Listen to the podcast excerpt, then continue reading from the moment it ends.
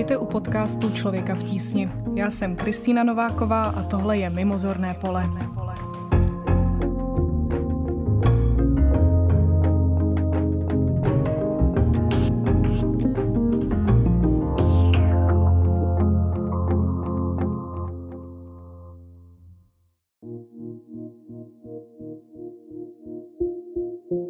Povodně, tajfuny, sucha nebo naopak extrémní zimy. Klimatická změna se na planetě sice děje plíživě, poslední dobou o sobě ale dává čím dál častěji vědět. Člověk v tísni pomáhá lidem se s jejími dopady vyrovnávat, a to po celém světě. Pomáhá ale také připravit na vše, co nás ještě teprve čeká. V dnešním dílu vítám Honzu Světálka, interního poradce člověka v tísni pro zemědělství a přírodní zdroje, který je aktuálně v Turecku, a Magdalenu Davis, vedoucí klimatických programů člověka v tísni. Můžeme ještě planetu zachránit? Já si myslím, že rozhodně můžeme ještě planetu zachránit. A shodou okolností, já jsem vlastně nedávno se účastnila klimatické konference takzvané COP21 v Dubaji, kde se vlastně nejednalo o nič menším, než o tom, jak je možné planetu zachránit z hlediska klimatické změny. A myslím si, že ty výsledky ukazují, že přece jenom to mínění té mezinárodní komunity se mění a že nám dává naději, že planetu, respektive nás jako jako lidi, protože planeta se vždycky poradí, um, ale že nás jako lidi a společně s námi i, i řadu jiných dalších bytostí ještě zachránit možná lze. Mohla bys popsat, eh, o jakou konferenci se přesně jedná a kdo na ní vůbec jedná? Tahle konference eh, vychází z původní úmluvy eh, o ochraně klimatu OSN z roku 1992, kterou tehdy podepsalo přes 150 států. A od té doby eh, se uskuteční každý rok ty takzvané kopy, to znamená Conference of Parties, které jsou označené číslem, takže tohoto byla číslo 28, která se uskutečnila v, v prosinci 2023 v Dubaji ve Spojených Arabských Emirátech. A této konference se účastní široké spektrum různých organizací, ale zejména je to konference, na které se vyjednávají eh, dobrovolné, a to musím zdůraznit, dobrovolné závazky těch zemí, které ehm, v té rámcové umluvě jsou jaké vlastně klimatické závazky budou dodržovat do nějakých eh, konkrétních datumů nebo cílů. Takže tam běží jednak ta mezinárodní vyjednávání mezi jednotlivými vládními vyjednavači a pak tam eh, běží řada dalších eh, programů, jak pro neziskové organizace, tak pro výzkumné organizace, pak tam probíhá řada prezentací vlastně od eh, států eh, zemí, které jsou postižené eh, klimatem. To znamená, že prezentují vlastně, jaké programy probíhají přímo v jejich zemích, čím se zabývají. Je tam řada prezentací různých firm, které nabízejí jak svoje programy nebo produkty, takže to spektrum je velmi široké. Já, když jsem se dívala na to, jaký je vlastně, jaká je nabídka toho programu, tak tam každých 15 minut na té konferenci, pardon, každou, každou půl hodinu na té konferenci probíhá zhruba 15 paralelních akcí. Ty jsi psala takový deníček z toho, který je k přečtení na webu Člověka v tísni. Určitě doporučuji pro všechny, kdo si chtějí udělat takovou představu, jak vypadá jeden den na takové konferenci. A když o tom mluvíš, tak se mi nabízí taková otázka, jestli to vlastně není trochu kontraproduktivní, jestli když se tam děje každých 15 minut něco, dá se vůbec něco vyjednat na takové konferenci? Tak jednak je důležité říct, že samozřejmě ta rozhodnutí eh, se mm, dělají za zavřenými dveřmi ehm, těch vládních delegací nikoli na těch um, akcích, které jsou otevřené těm neziskovým organizacím nebo biznisům a, a dalším organizacím. Um, myslím si, že to určitě musí mít nějakou hranici. To znamená, ten, ten kop, který teď proběhl v Dubaji, byl největší v historii. Bylo tam něco, se odhaduje, odhaduje mezi uh, 65 a 97 tisíci uh, účastníky, což je skutečně obrovské číslo a myslím si, že ten další kop uh, bude uh, určitě menší. Takže můžeme debatovat o tom, kolik účastníků a účastnic ehm, je udržitelné z hlediska mnoha různých pozic na udržitelnost, to znamená přepravu, ubytování a, a spotřeba na takové akci, ale i, i samozřejmě eh, efektivita nějakých vyjednávání. Na druhou stranu, ty vládní genera- eh, delegace zůstávají pořád stejné, takže těch se to netýká, spíš se to týká těch ostatních hráčů a tam zase vidím za sebe velkou příležitost pro informovanost, protože myslím si, že komunikace ohledně změny klimatu eh, a všech dalších témat, která jsou s ní spojená, pořád ještě drhne. A Někde samozřejmě více, někde méně. Um, když se podíváme na Evropu jako celek, tak vlastně Evropa je vnímaná jako velký lídr. Ale když se potom podíváme do Evropy na jednotlivé státy, tak uh, samozřejmě vidíme, že ty rozdíly jsou obrovské. Jsou skutečně státy, které se chovají jako lídři a jsou potom státy, které se spíše vezou na chvostě a bohužel mezi ně patří uh, do velké míry Česká republika. Jak velké slovo má člověk v tísni, potažmu jak velké slovo má Česko? Člověk v tísni je nezisková organizace, která stejně jako všechny ostatní neziskové organizace se těchto konferencí zúčastní jako pozorovatelé. To znamená, nemají žádnou konkrétní eh, přímou roli ve vyjednáváních. Na druhou stranu, tím, že eh, jsou pozorovatelé, tak eh, neziskové organizace mohou takzvaně dohlížet na to, jak ty vyjednávání probíhají a mohou třeba upozorňovat na to, když se jim nějaká část nelíbí, není dostatečně ambiciozní nebo realistická, mohou o ní referovat. To znamená, že přispívají tomu transparentnímu procesu, který kdyby se odehrál odehrával celý za zavřenými dveřmi, tak si myslím, že um, by to bylo mnohem složitější.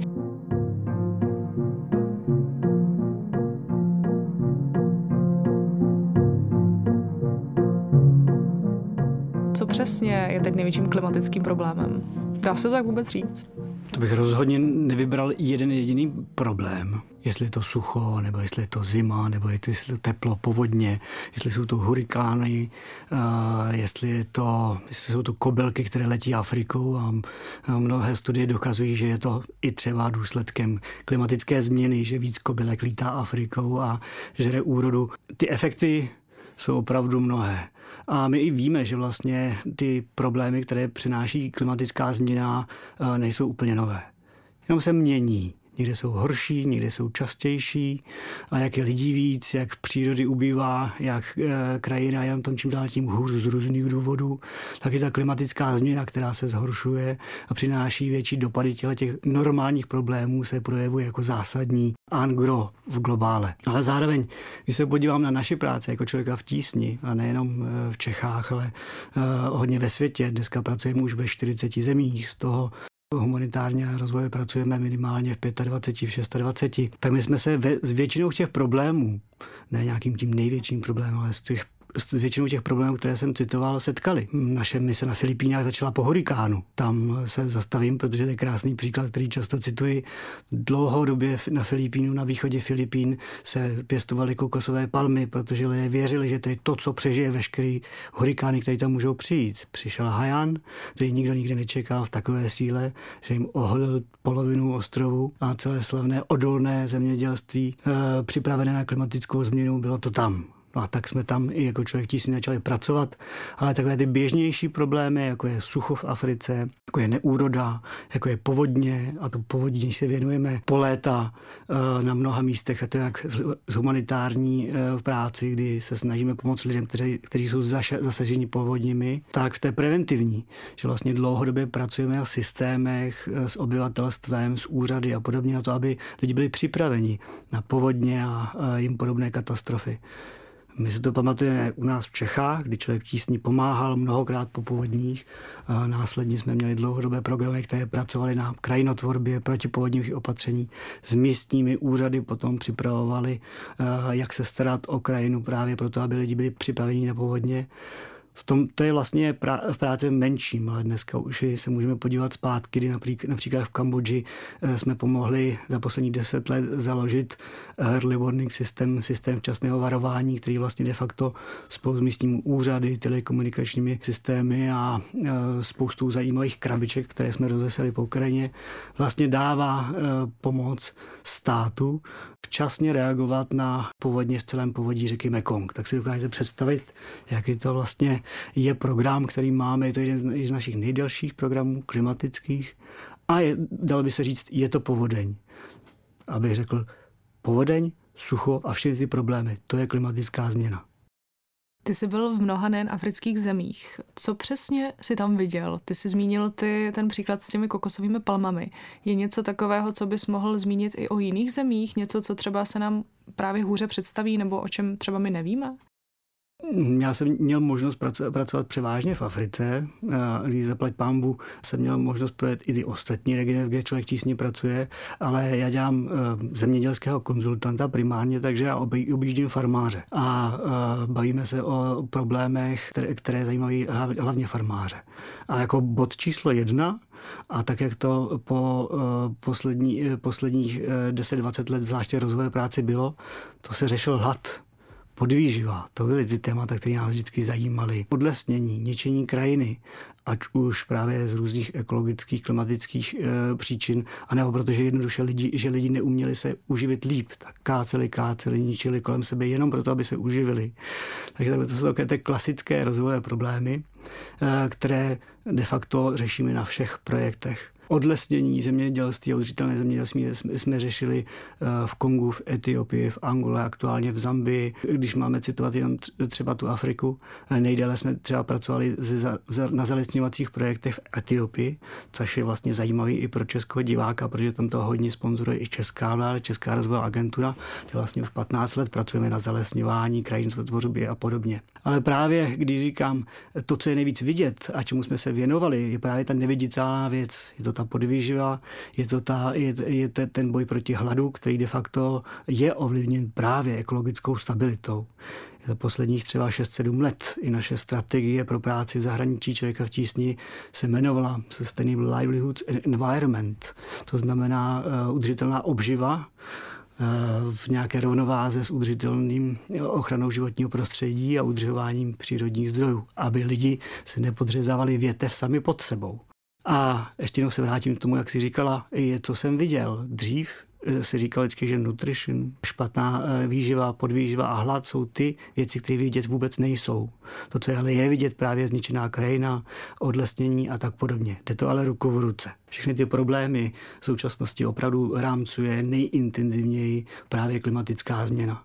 A proto všechno i v rámci mezinárodní spolupráce, rozvoje spolupráce, které člověk tísně dělá, se orientujeme a směřujeme k tomu, aby vlastně naše aktivity eh, zohledňovaly klimatickou změnu a dopady na lidi, kteří, se kterými pracujeme.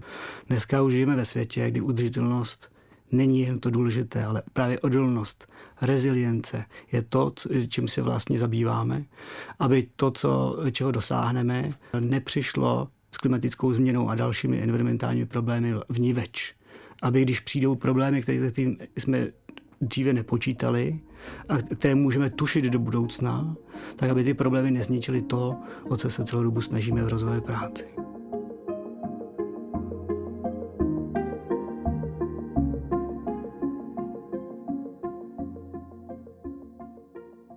si myslím, že eh, právě v rozvojových zemích eh, jsou někdy velmi dobře demonstrovatelné ty, ty principy i, i zároveň řešení třeba, která jsou blízká v přírodě. Možná bych Honza mohl um, popsat vlastně svoji praxi třeba z hlediska uh, pomoci právě v zemích, kde uh, docházelo k přílišnému uh, odlesňování, protože uh, místní lidé měli třeba velmi malý přístup k elektřině, to znamená uh, pálení dříví bylo jediný způsob, jak si mohli uvařit večeři a tam vlastně probíhají nějaké konkrétní projekty, které si myslím, že i pro českého posluchače jsou velmi zajímavé, protože velmi snadno pochopitelné. Jestli by si možná Honzo mohl eh, říct nějaký příklad.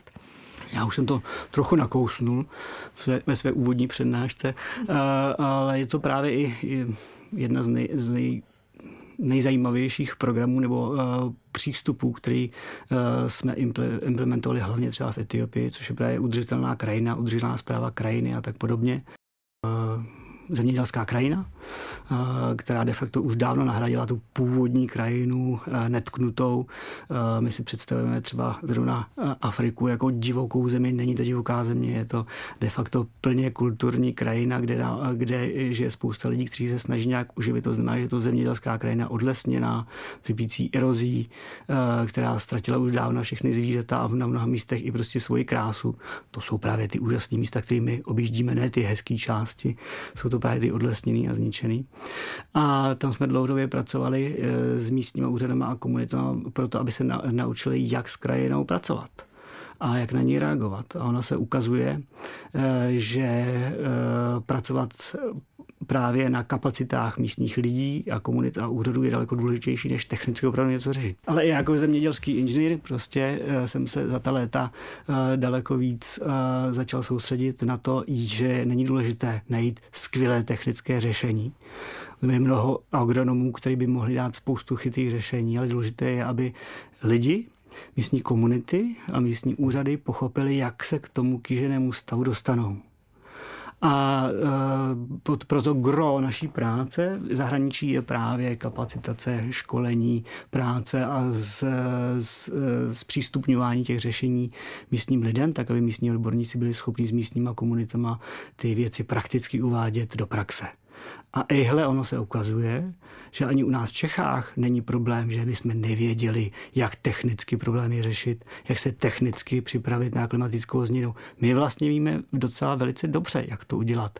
Jenom se k tomu nemůžeme prokousat přes naše regulace, přes naši politiku, přes naše různé názorové proudy a přesto, že vlastně e, nemůžeme dost rychle se sednout za jeden stůl a najít ty technické řešení, které by nikomu ne, nešlapal na kuří oka.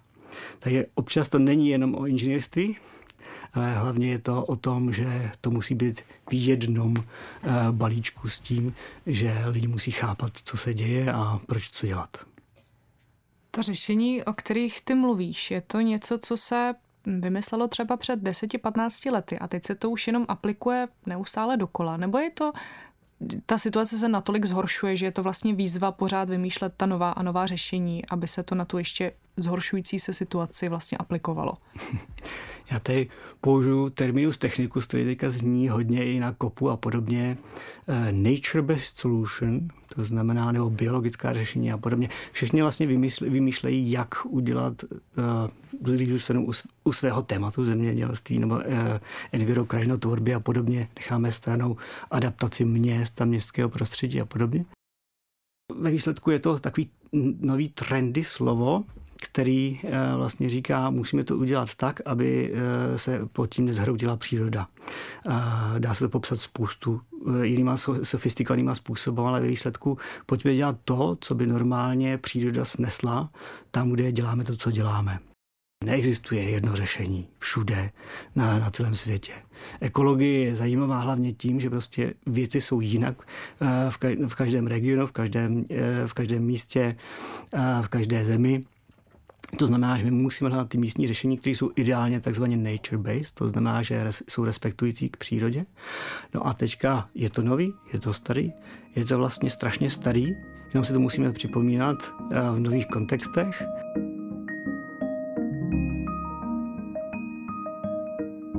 Řadou eh, projektů, které se týkají udržitelnosti eh, krajiny, eh, zadržování vody v krajině například a její robustnost vůči té pokračující klimatické změně, tak řešíme vlastně v rámci projektu Člověka v tísni i v České republice, zejména teda na Moravě, na Jižní Moravě, která je hodně exponovaná jednak kombinací špatného hospodaření a jednak právě poměrně postupující klimatické změny. A jedna z těch, jeden z těch háčků, třeba, o který tady zmínil i Honza, co se týče té lokalizace, je problematika dotací. Protože dotace jsou stanovované obecně pro Evropskou unii s nějakou intervencí členských států, ale ale jak se ukazuje, tak prostě nejenom v zemědělství je potřeba hledat ta lokální řešení. A je to jedna z věcí, které se vlastně věnuje člověk v tísni a bude se jí věnovat v budoucích letech. My teďka začínáme akorát nový program, který bude pracovat se zemědělci a s novými školením zemědělských poradců a který bude vyloženě se snažit propojovat zemědělce navzájem a pomáhat jim stanovovat konkrétní plány pro jejich specifickou situaci, pro jejich půdu, jejich stupeň eroze a tak dále. To znamená vlastně jim přiblížit ta přírodě blízká opatření, o kterých mluvil Honza, na té jejich lokální úrovni, tak aby to pro ně dávalo smysl i, i v kombinaci s těmi dotacemi. Mně se třeba moc líbí ten, ten projekt, který běžel dlouhodobě jak v v Africe, tak v jeho východní Asii. A je to vlastně projekt pro země, kde lidé mají velmi nízký přístup k elektrické energii. Někdy je to třeba prostě 3% veškeré populace. Dochází tam k odlesňování kvůli využívání vlastně tepla.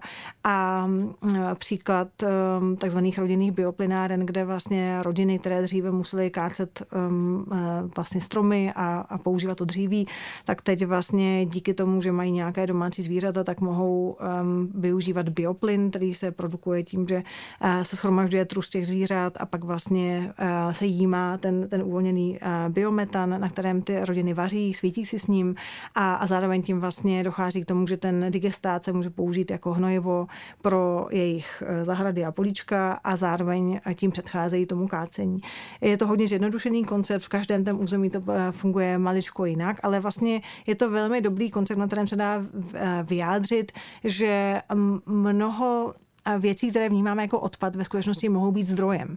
A že je možné skutečně do velké míry um, ten, tu spotřebu um, uh, navázat do, pokud ne do perfektního cyklu, tak alespoň částečně do, nějakého cyklu, ve kterém využíváme mnohem lépe svoje zdroje, než je využíváme doteď. Business development, ekonomika je i vlastně to, co je součástí našeho slavného klimatického pilíře. Protože konec konců právě uh, udržitelnost a ekonomická udržitelnost prostě jde ruku v ruce eh, s tou environmentální a lidi se budou schopni uživit jedině tehdy, když budou fungovat i e, s nějakým stabilním příjmem.